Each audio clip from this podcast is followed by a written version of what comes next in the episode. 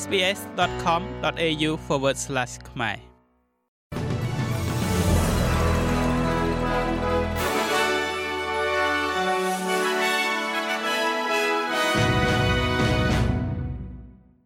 ចាសសូមស្វាគមន៍មកកាន់នេតិព័ត៌មានខ្លីរបស់ SBS ខ្មែរសម្រាប់ថ្ងៃច័ន្ទទី4ខែកញ្ញា ឆ្នាំ2023 គេរំពឹងថាការបង្ក្រាបទៅលើការប្រើប្រាស់កម្លាំងពលកម្មដែលបានប្រាក់ខែតិចជាងនយោជិតនិងបង្កើនអត្រាប្រាក់ឈ្នួលសម្រាប់បុគ្គលិកកម្មករប្រមាណជា67,000នាក់រដ្ឋមន្ត្រីទំនាក់ទំនងការងារលោក Tony Berg បាននិយាយថាផលប៉ះពាល់សេដ្ឋកិច្ចនៃកំណែទម្រង់ដែលផ្ដោតគោលដៅនេះនឹងមានការធ្វេសប្រហែសដោយសារវានៅដាច់ដោយឡែកពីកន្លែងធ្វើការដែលគ្របដណ្ដប់ដោយអត្រាប្រាក់ឈ្នួលដែលធ្វើការចរចា ច្បាប់នេះនឹងត្រូវដាក់ចូលសភានៅថ្ងៃទី4កញ្ញានេះគឺជាធាតុស្នូលទី4និងចុងក្រោយនៃកំណែទម្រង់កន្លែងធ្វើការរបស់រដ្ឋាភិបាលការផ្លាស់ប្ដូរដែលបានស្នើឡើងនឹងមានការផាកពិន័យជាអតិបរមាជាមួយនឹងការជាប់ពន្ធនាគាររយៈពេល10ឆ្នាំនិងពិន័យជាប្រាក់រហូតដល់ទៅ7លាន8សែនដុល្លារឬក៏3ដងនៃចំនួនទឹកប្រាក់ដែលត្រូវបានបង់ទាបជាងប្រាក់ឈ្នួលប្រសិនបើចំនួននោះលើសពីការផាកពិន័យអតិបរមា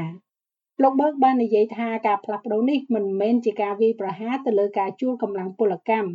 ដែលជាមធ្យោបាយត្រឹមត្រូវមួយដើម្បីកាត់បន្ថយការខ្វះខាតកម្លាំងពលកម្មនោះទេប៉ុន្តែគឺវាសំដៅទៅលើនយោជកដែលប្រើប្រាស់ model នេះដើម្បីកាត់បន្ថយអត្រាប្រាក់ឈ្នួលរបស់បុគ្គលិកមួយទៀតនោះតកតងជាមួយនឹងការប៉ះពាល់ការងារដោយសារតែ AI របាយការណ៍មួយរបស់ Deloitte Access Economics បានរកឃើញថា ប្រហែលជាមួយភាគ4នៃសេដ្ឋកិច្ចអូស្ត្រាលីនឹងរងផលប៉ះពាល់យ៉ាងធ្ងន់ធ្ងរនិងយ៉ាងឆាប់រហ័សដោយសារការរំខាននានាបណ្ដាលមកពីការបង្កើតនៅបញ្ញាសិប្បនិម្មិតឬហៅថា AI វិស័យដែលរងផលប៉ះពាល់រួមមាន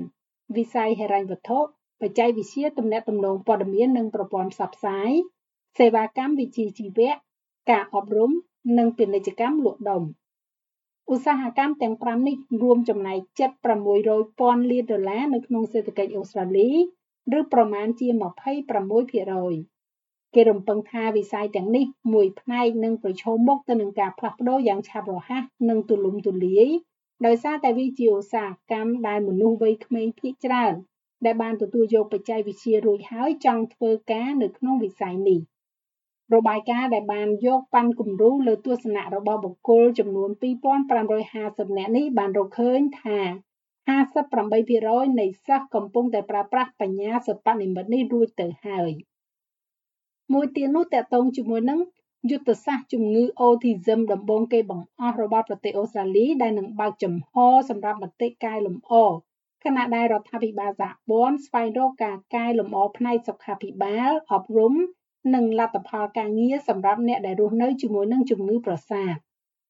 ឯកសារពិភាក្សានៃយុទ្ធសាស្ត្រជាតិ Autism និងកម្រងសំណួរណែនាំត្រូវបានចេញផ្សាយសម្រាប់ការពិគ្រោះយោបល់ជាសាធារណៈប្រជាជនអូស្ត្រាលីជាង250,000នាក់មានជំងឺ Autism ហើយមនុស្សជាច្រើនមានបទពិសោធន៍ថានឹងមានអាយុខ្លីជាងមនុស្សដែលមិនមានជំងឺ Autistic ជាពិសេសប្រសិនបើពួកគេមានស្ថានភាពសុខភាពដែលកើនឡើងរួមគ្នា។ ឯកសារនេះរំលេចឡើងពីការយល់ដឹងកាន់តែច្រើនឡើងរបស់សហគមន៍អំពីជំងឺ Autism គឺត្រូវការជាចាំបាច់នៅទូទាំងវិជ្ជាជីវៈសំខាន់សំខាន់ហើយថែមទាំងពិចារណាអំពីភាពទាន់ពេលវេលានៅក្នុងការធ្វើរោគវិនិច្ឆ័យនិងសិទ្ធិទទួលបាននូវយុត្តិធម៌និងសេវាសុខភាពរបស់មនុស្សដែលមានជំងឺ Autism ផងដែរចុងក្រោយគេនេះប្រជាជនអូស្ត្រាលីរាប់រយនាក់ដែលត្រូវបានធ្វើរោគវិនិច្ឆ័យឃើញថាមានជំងឺមហារីក កំពុងតែប្រយុទ្ធតទល់គ្នានៅក្នុងតុលាការដើម្បីបង្ហាញថាជំងឺរបស់ពួកគេគឺកើតចេញពីសមាសធាតុនៃថ្នាំសម្លាប់ស្មៅដែលត្រូវបានគេប្រើប្រាស់យ៉ាងទូលំទូលាយសកម្មភាពពីបណ្ដឹងជាក្រុមដែលបានចាប់ផ្ដើមឡើងដោយក្រុមមេធាវី Morris Blackburn ក្នុងនាមជាដើមបណ្ដឹងជាង800នាក់ដែលមានជំងឺមហារីកកូនកណ្ដោ Non-Hodgkin lymphoma បានចោទប្រកាន់សមាសធាតុមួយនៅក្នុងថ្នាំសម្លាប់ស្មៅ Roundup ដ៏ពេញនិយមហៅថា glyphosate ថាបណ្ដាលឲ្យមានជំងឺរបស់ពួកគេ ប្រធានខាងផ្នែកពាក្យបណ្ដឹងជាក្រុមនៃក្រុមហ៊ុនមេធាវី Morris Blackburn គឺលោក Andrew Watson បាននិយាយថា មនុស្សជាច្រើនដែលបានចូលរួមនៅក្នុងពាក្យបណ្ដឹងនេះបានប្រើប្រាស់ថ្នាំ Roundup ជាផ្នែកនៃការងាររបស់ពួកគេ លោក Watson បាននិយាយឲ្យដឹងទៀតថាអ្នកដាក់ពាក្យប្តឹងនាំមុខគេម្នាក់នៅក្នុងសំណុំរឿងរបស់តុលាការសហព័ន្ធនៃប្រទេសអូស្ត្រាលីនេះគឺលោក Kevin McNichol បានប្រើថ្នាំសម្រាប់ស្មៅនេះដើម្បីបាញ់ស្មៅជាផ្នែកនៃការងាររបស់គាត់អស់រយៈពេល2ទសវត្សរ៍មកហើយហើយអ្នកផ្សេងខ្លះទៀតនោះនៅក្នុងករណីនេះបានប៉ះពាល់ទៅនឹងថ្នាំសម្រាប់ស្មៅនេះតាមរយៈការប្រើប្រាស់